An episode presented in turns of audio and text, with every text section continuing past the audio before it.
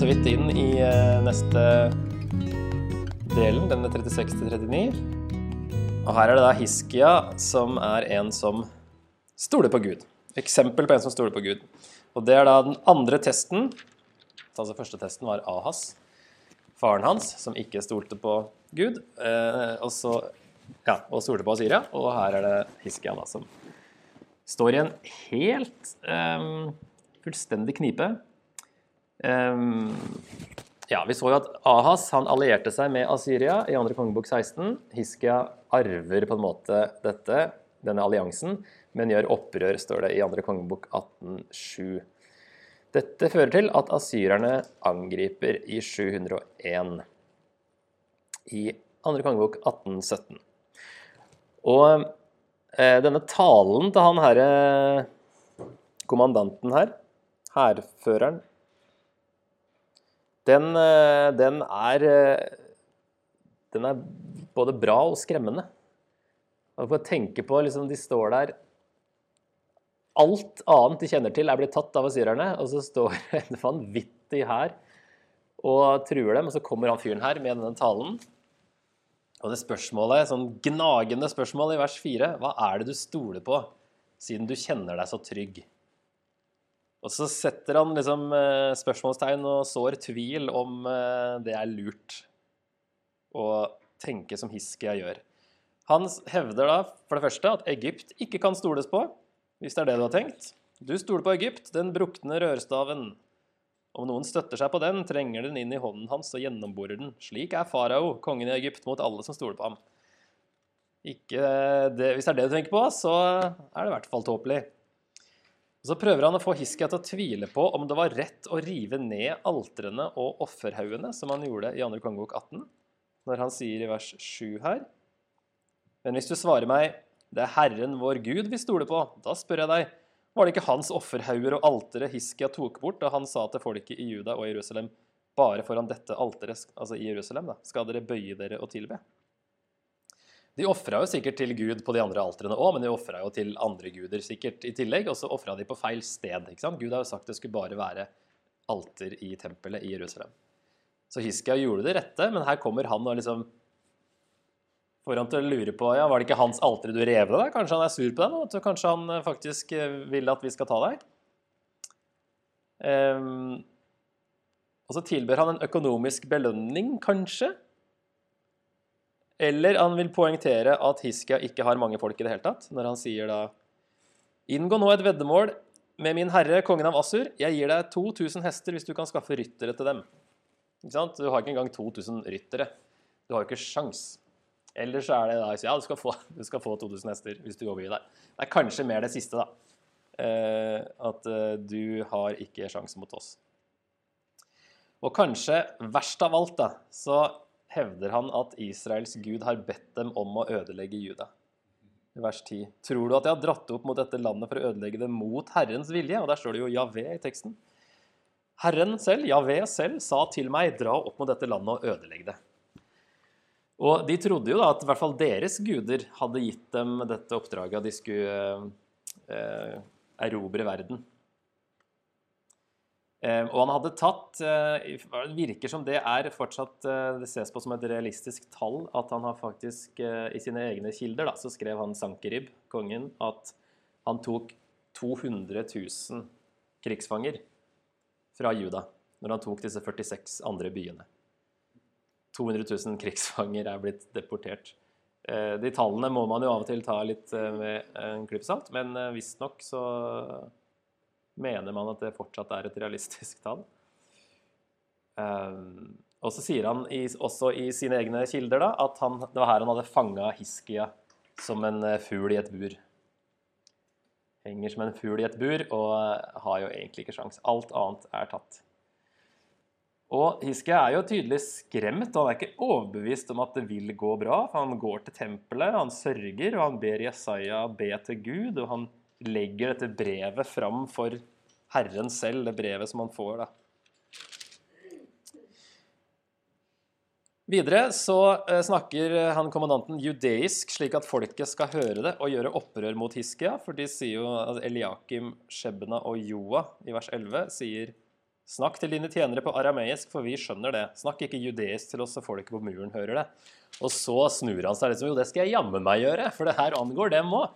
Og så snur han, og så snakker han til folket på det språket de forstår. Han er en genial fyr.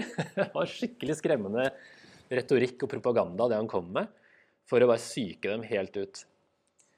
Og han hevder at ingen andre guder har klart å redde sine land fra asyrerne.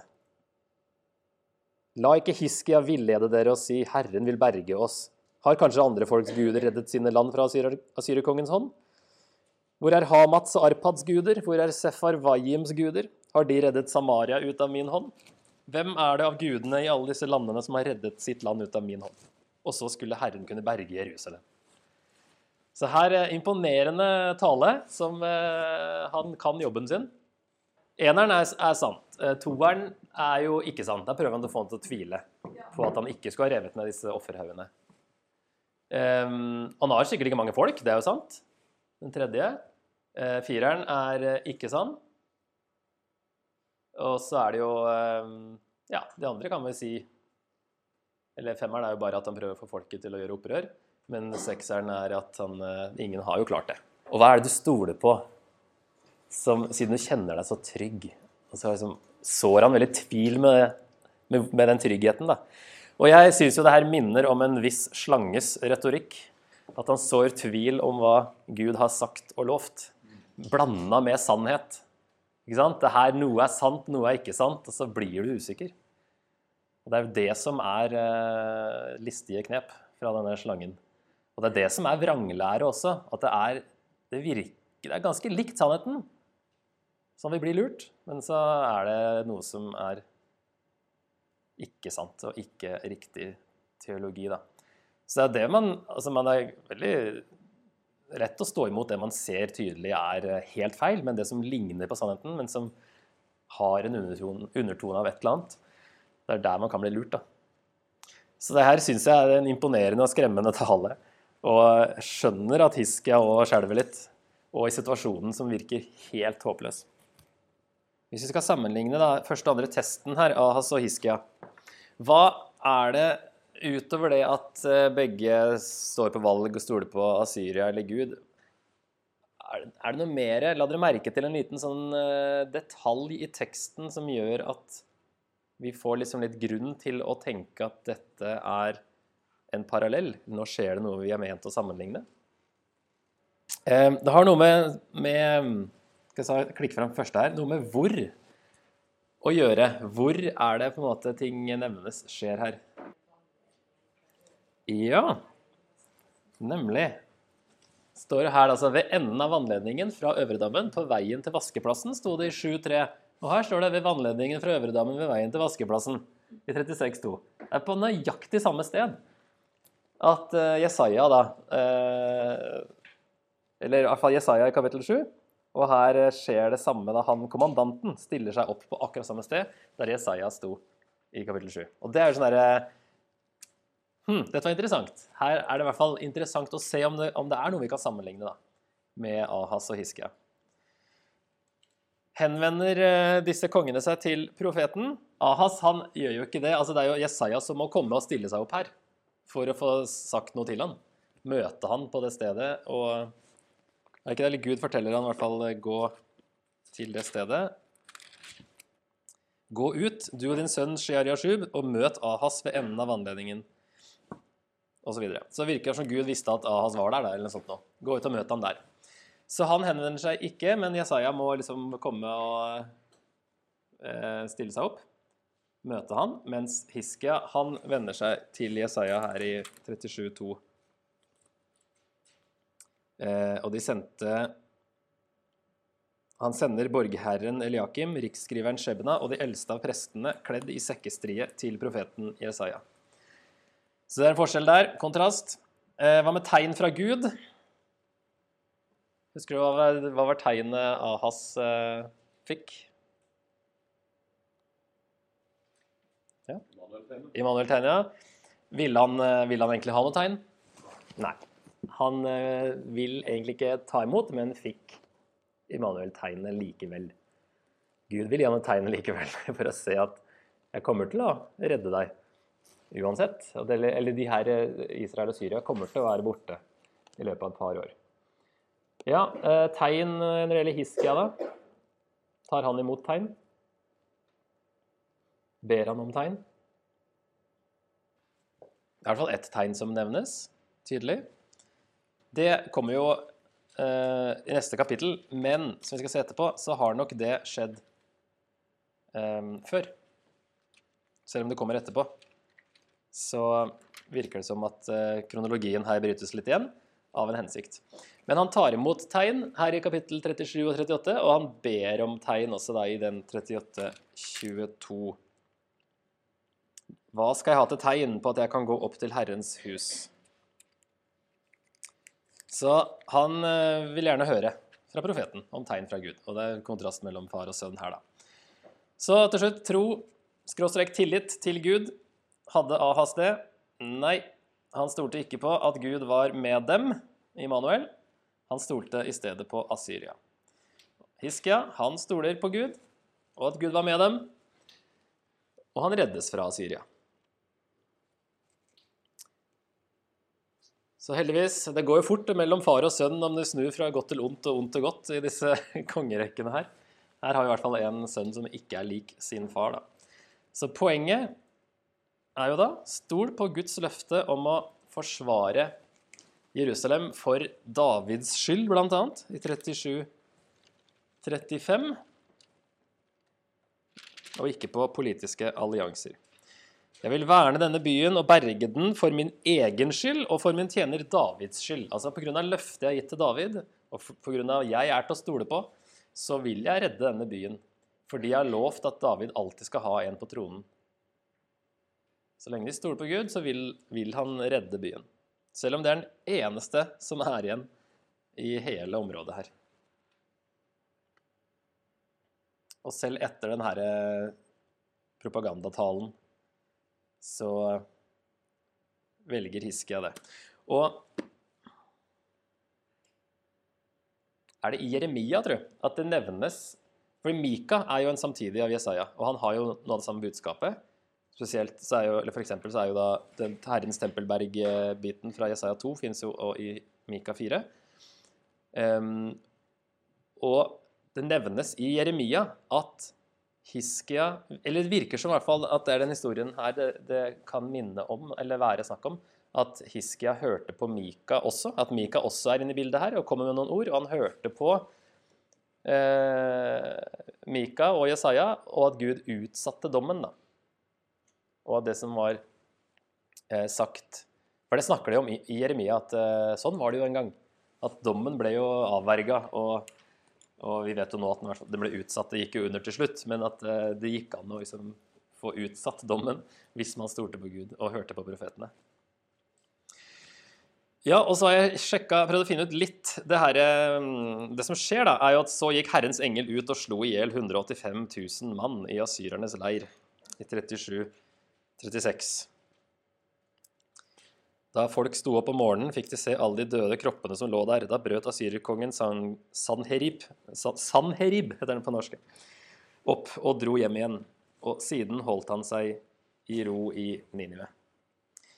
Så eh, det nederlaget her nevnes jo ikke i den asyriske versjonen som kalles her er det Sankerib. Det er vel en sånn h-lyd som er en mellomting mellom k og h, som man kan velge. Sanherib eller Sankerib. Sankeribs prisme. Eh, der nevnes ikke dette her, eh, nederlaget, men Jerusalem er den eneste byen som nevnes som beleiret på Sankeribs stela, uten at seieren nevnes. Så det er jo tydelig at han ikke tok Jerusalem, da. Men hvorfor ikke? Og hva, bety, hva, hva skjedde egentlig her med de 185 000 mann som plutselig døde? Um, og så er det også dette i 37 7-9 så sier Jesaja nå skal jeg sette, at Gud sier da, nå skal jeg sette ham på en tanke, han skal høre et rykte og vende tilbake til sitt eget land, og der vil jeg la ham falle for sverd. Og det er jo da I teksten her så er det det neste som skjer i slutten av vers, eh, kapittel, 38, slutten av kapittel 37. Så er det da det hopper fram til når han dør, han eh, Sankerib her, da, En gang mens han bøyde seg i bønn for guden Nisrok i hans tempel, hogg sønnene Adramelek og Sareser ham ned med sverd. Så han ble drept av sine egne sønner her, da. Um, som Jesaja sier, da, at uh, i hvert fall til slutt så, så, skal han dø for sverd. Så det er jo både et rykte som uh, gjør at han avslutter beleiringen, virker det som, og så er det denne Herrens engel som gjør et eller annet. Um, og det ryktet her er jo liksom Man spekulerer eh, altså, Det virker som to forskjellige ting, egentlig. Um, nå tenker man at hvis 185 000 døde, så vil jo ikke det påvirke liksom hele OK, vi tar forslagene først. Ok, for, Den greske historikeren Herodotus, 400-tallet eh, før Kristus, han skriver om da de angrep Egypt, da, så skriver han at asyrerne ble angrepet av mus. Eventuelt pest via mus, eller rotter eller et eller annet sånt. da. Det var altså i et angrep på Egypt. Så enten så er det en annen historie, eller så kan man kanskje ha sett på beleiringen av Jerusalem som en del av angrepet på Egypt, hvis dere er på vei til Egypt, og det er ikke så langt unna. At han generaliserer litt, da.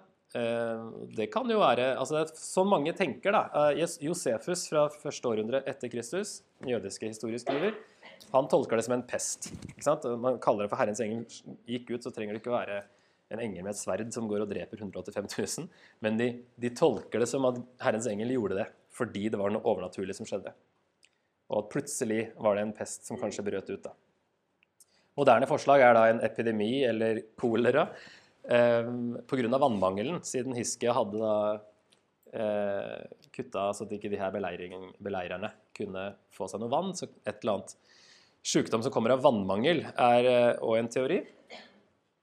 Eh, men uansett så var det vanlig å tolke det som guddommelig inngripen da, når noe overnaturlig skjedde. Så derfor, hvis det nå var noe sånn pest eller sånt, eh, selv om det ikke sies bokstavelig, så er det veldig naturlig både for israelittene og for alle andre den gangen å si at det var Gud som gjorde det, eller vår Gud gjorde det. Herrens engel gjorde det. I dette tilfellet så er det jo, tror vi jo at det var Herrens engel som gjorde et eller annet. Men akkurat i hvilken form er jo litt usikkert. Og så er det et rykte, da.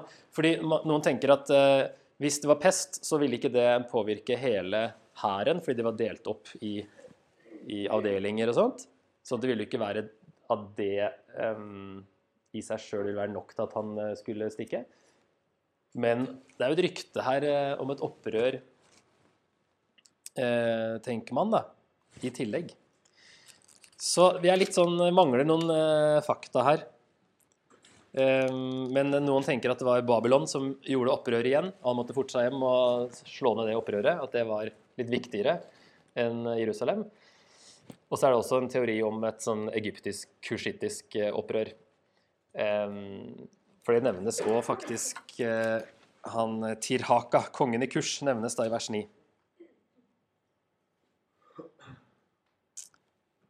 så vi vet ikke helt, men eh, noe skjedde i hvert fall. Og så er det nok historien komprimert litt på slutten her, da, med at um, vi får inntrykk av at uh, 105 000 dør, og da dro de hjem, og så dør han rett etterpå for sverd. Det kan være at det skjedde litt mer enn bare det, da. 105 000 døde, det satte en støkk i dem. I tillegg kanskje dette ryktet som Jesaja også nevner, og som gjør at de drar hjem litt etterpå. Eh, fordi i andre kilder, asyriske kilder sies det i hvert fall at Hiskia sendte noe sånn her eh, skatt etter eh, Sankerib når han dro hjem. Og det er litt sånn rart at han gjorde det hvis, hvis han stakk eh, fordi han var redd eh, pga. det som skjedde her. Så det er noen detaljer som er utelatt, og så er det en komprimert historie. Men det er i hvert fall to spor i teksten her, da. Eller to ting som nevnes. Både et rykte og at Herrens engel gjorde et eller annet. Eh, fordi han dør ikke med en gang, han Sankerib, når han kommer tilbake. Han dør ikke før i 681, så den slutten av 37 her er jo en komprimert versjon av eh, historien. Så det kan være rom for mer da, inni eh, det som skjer, som er årsaken. Ok, Men 38 og 39. Eh, Hiskias helbredelse og besøket fra Babel. Her er jo han får besøk, han har blitt helbreda. Han får besøk av eh, folk fra Babel, og han viser dem fram alt Det var ikke den ting i hele hans slott og rike som Hiskia ikke viste dem. I, i 39,2. Og så står det i vers 3.: Da kom profeten Jesaja til kong Hiskia og spurte ham, hva sa disse mennene, hvor kom de fra? De kom til meg fra et land langt borte, svarte Hiskia, fra Babel. Hva fikk de se i slottet ditt? spurte profeten. Hiskia svarte, alt som finnes i slottet, fikk de se. Det var ikke den ting i skattkamrene jeg ikke viste dem. Da sa Jesaja til Hiskia, hør ordet fra Herren over herskarene, se, dager skal komme da alt som er i slottet ditt, det som fedrene dine har samlet til denne dag, skal føres bort til Babel. Ingenting skal bli tilbake, sier Herren.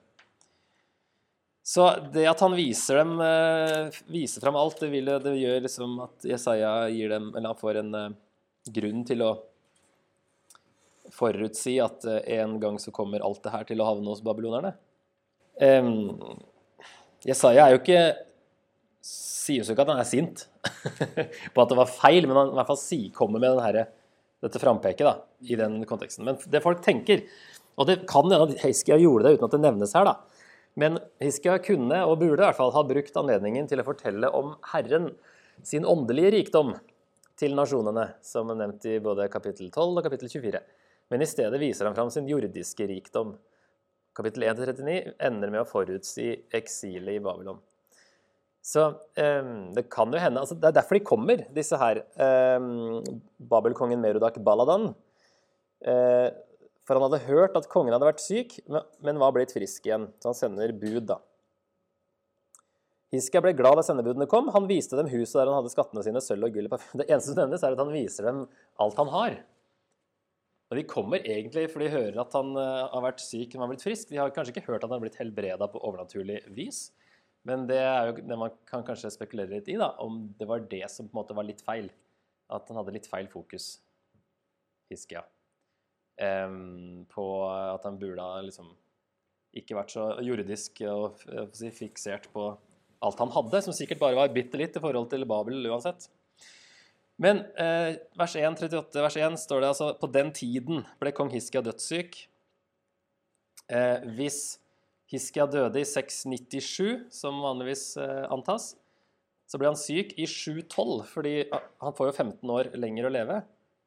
Dette passer med at Merodak Baladan var konge i Babel fra 721 til 710. Det gir også mening at Babel ville knytte kontakt med anti-asiriske Juda på den, det tidspunktet her. da. I så fall så skjer kapittel 38 og 39 kronologisk før kapittel 36 til 37 siden det er jo 7.01, mens nå er vi plutselig i 7.12. Hvorfor denne rekkefølgen, hvis Hiskia faktisk lærte å stole på Gud i 701? Ville ikke det vært en fantastisk slutt, hvis han tok det kronologisk her? Og Hiskia og den store At han faktisk stolte på Gud i 701, og Jerusalem ble berget, og wow, happy ending.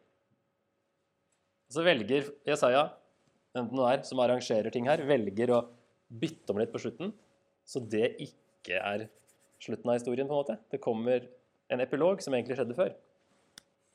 Men noen forslag da, er at uh, han har bytta på rekkefølgen her for å vise at de ikke må stole på noen menneskelig leder, for selv de beste svikter. Hiskia er heller ikke Immanuel eller Messias.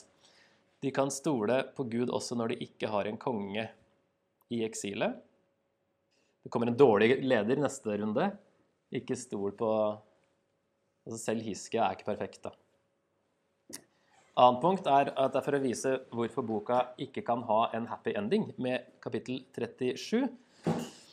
Både Hiskia og Jerusalem har fått en midlertidig utsettelse, men problemet er ikke løst. Det går mye dypere, og kapittel 40-66 gir svaret. Jeg tror nok det har kanskje mest å gjøre med at boka er ikke slutt, og det her er bytta litt rekkefølge fordi det skal gi et frampek på det som kommer. Um, det er bare en midlertidig utsettelse. Vi er ikke ferdig med problemet her. Og når um, presset er borte, selv om det er ikke helt kronologisk riktig, da, men sånn vi leser det og ikke tenker over når det skjedde, som vi sikkert ikke gjorde, sant? så får vi inntrykk av at når presset er borte, når asyrerne er borte, så blir han opptatt av denne verdens rikdommer. Selv om det ikke er kronologisk riktig. da. Å stole på Gud må være en livsstil og ikke enkelthandlinger kapittel 40-66 blir nødvendige for å forklare hvordan dette kan bli mulig. Så det er litt sånn uh, menneskelig reaksjon, da. At uh, selv om han Det menneskelige vil jo være å overgi seg også, i 701, da, i forrige kapittel. Eh, men at bare nå, ja, nå skifta fokuset litt, på en måte, når han var Når eh, situasjonen endra seg. Eller siste for å vise hvorfor Juda falt til Babylon senere, selv om Gud var til å stole på mot Asyria, introduserer 40-66 som fokuserer på eksilet i Babylon. Gud redda dem fra Syria, men babylonerne kommer jo etterpå. Hvorfor det? Jo, du får i hvert fall siste, delen, siste biten av del én forklare hvorfor. Hvorfor Gud ikke redda dem fra babylonerne. Eller iallfall så, så forbereder det at Gud ikke gjorde det. Men jeg tenker det har mest å gjøre med Kanskje ikke like mye med Hiskia som person å gjøre, men mer med fortsettelsen av Jesaja-boka å gjøre. Men det er vel samme rekkefølgen i kongebøkene òg? Og sikkert i krønikebøkene òg? Hvilken som var først, er jo vanskelig å vite, da. Hvem som hadde første versjonen av dette her. Og hvem som, hvem som satte rekkefølgen på kapitlene. Men det passer veldig godt med strukturen her, i hvert fall. At uh, problemet er ikke løst, og det kommer noe mer. Og Babel, Babel er liksom Dere kommer til å ende opp der. Og så kommer del to av boka med budskap til de som er der. Og det er jo Kongebøkene altså kongebøkene i seg sjøl er jo skrevet senere. Altså De er jo avslutta, i hvert fall, i eksilet. Sånn at uh, Jesaja levde jo før, ja. Så hvis Jesaja skrevet det her en eller annen gang med sin egen penn, eller i hans levetid, så ville det være første versjonen, ja. Dette her. Mm. Så han lærer jo på en måte her at Gud Han lærer jo noe viktig om Gud her, i 7.12, da. Um, om at Gud uh, helbreder han, og som nok spiller inn på at han uh, har tro på Gud når uh, eh, 701 kommer. Men det er, det er, litt spekulering, da, hvorfor. Men det er interessant å tenke litt over. Runda litt her, så er det jo å gjenta dette her med at tro er lik tillit. Men det er jo det å ha tillit til Gud, tro på Gud. For hvis vi skal oppsummere da, 1-39, så har jo de kapitlene vist gang på gang at å stole på Gud er grunnleggende. Tillit til at Gud kan stoles på, kan vi kalle tro. Tillit til at Gud kan stoles på. Så hva ville kapittel 1-39 bety for de første leserne? Og det er jo eh, på en måte to grupper, da. Det er jo de i Jesajas tid, folket før eksilet. De må innse sin identitet som Guds folk, som han har utvalgt med en hensikt, og stole på at han vil bevare og beskytte dem mot fiendene deres når de holder seg til ham. Det sleit de jo veldig med gjennom hele historien. Så det er én ting, at de må innse det og stole på at han kommer til å ta vare på dem fordi han har lagd dem og har en plan med dem. Og de må bare holde seg til han. Og folket i eksil, som en annen gruppe senere, da, som også kan kalles første leser, kanskje. I hvert fall for det som følger utover i boka nå. Eller det her beregnet første leser, kanskje. De må innse at de havnet der, altså i eksil, da, fordi de ikke stolte på Gud, og dermed ikke holdt seg til ham og Mosloven, men at Gud er større enn Babylon. Fordi de har vent seg til ham og stoler på ham, vil han få dem hjem igjen, slik at hans plan kan fortsette. Så det er jo det de må innse, og de har jo innsett det etter hvert i eksilet. at eh, Det ser du også i klagesangene, som er regnes som en sånn epilog til Jeremia ofte. Eller har, har blitt gjort det. Der er det en sånn progresjon også, at det, eh, er fem sanger. Og underveis i de fem sangene så ser du at folket på en måte skjønner at eh, ja, det som skjedde Det går fra full fortvilelse til liksom OK, Gud, du hadde rett. OK, vi omvender oss. OK. Det er en viss progresjon der. Så de skjønner det i eksilet, og da vil um, Gud få dem hjem igjen, sånn at planen kan fortsette. Så kapittel 40-66 forklarer hvordan de kan settes i stand til å bli Guds tjenere når de stoler på ham. Det er det vi skal se på videre. Hvordan de blir Guds tjenere. Veldig spennende den neste, den neste delen også. Men eh, litt mer på det spørsmålet her som kan være litt sånn gnagende. Hva er det du stoler på siden du kjenner deg så trygg? hva er det du stoler på? Og Kjenner du deg trygg? Kan vi dele det opp i det. Fordi det kan jo være sånne spørsmål man kan møte, som vi kan møte. F.eks.: Er det egentlig tåpelig å stole på Gud? Det går jo ikke alltid så bra med livet mitt, selv om jeg prøver å stole på Gud. Møter jo på vanskeligheter og ting som går skikkelig gærent. Kanskje det er Gud som står bak disse vanskelighetene? Er det ekstremt å leve etter Bibelens moral? Mente Gud egentlig at jeg skulle ta det så seriøst? Andre synes jo det er intolerant og diskriminerende. Er det egentlig tåpelig å tro på Gud når de fleste rundt meg ikke gjør det? Noen eksempler på liksom sånn som kan få oss til å lure, lure da, og, og, den tryggheten eh, ikke kjennes så trygg lenger. Så hva er det du stoler på? Da må vi jo prøve å løfte det ut av eh, konteksten her, eh, hvis vi skal snakke om det, hva det betyr for oss. da. Fordi å stole på Gud handler ikke om å avstå fra å bruke hodet eller ikke å gjøre noen innsats selv. Vi har jo fått en hjerne og en fornuft for å bruke det. Så det å stole på Gud altså Bibelen snakker om 'ja, sett ikke lit til ditt eget vett'. Eh, det er jo riktig. Ja, ordspråkene. Men så sier også første Korinterbrev at vi har Herrens sinn. Vi har fått Guds ånd og Guds sinn. Vi kan tenke som Gud. Derfor stoler vi på en måte mer på Guds tanker enn på vår egen eh, dømmekraft, som er påvirka av synd og som kan ta feil. Eh, så det vi har fra Bibelen, hvert fall fra Guds karakter, er noe vi kan stole på mer enn hvordan vi kanskje ville ha eh, gjort ting. Men det er jo en kombinasjon, da. Det betyr jo ikke å stole på Gud betyr at du bare skal sitte i en stol og ikke gjøre noen ting og vente på at Gud skal ordne alt. Aldri søke på noen jobber, f.eks. Eller eh, noe sånt at du bare få en jobb i fanget. Det er jo noen som eh, tenker sånn, og det kan jo bli at man blir eh, litt for passiv, da. Så andre grøfta er selvfølgelig å bare gå e-, etter eget hode og ikke ta med Gud i det hele tatt. Men det er en sånn litt vanskelig sånn balanse. Stole på Gud og gjøre det Gud kanskje forventer at vi klarer sjøl.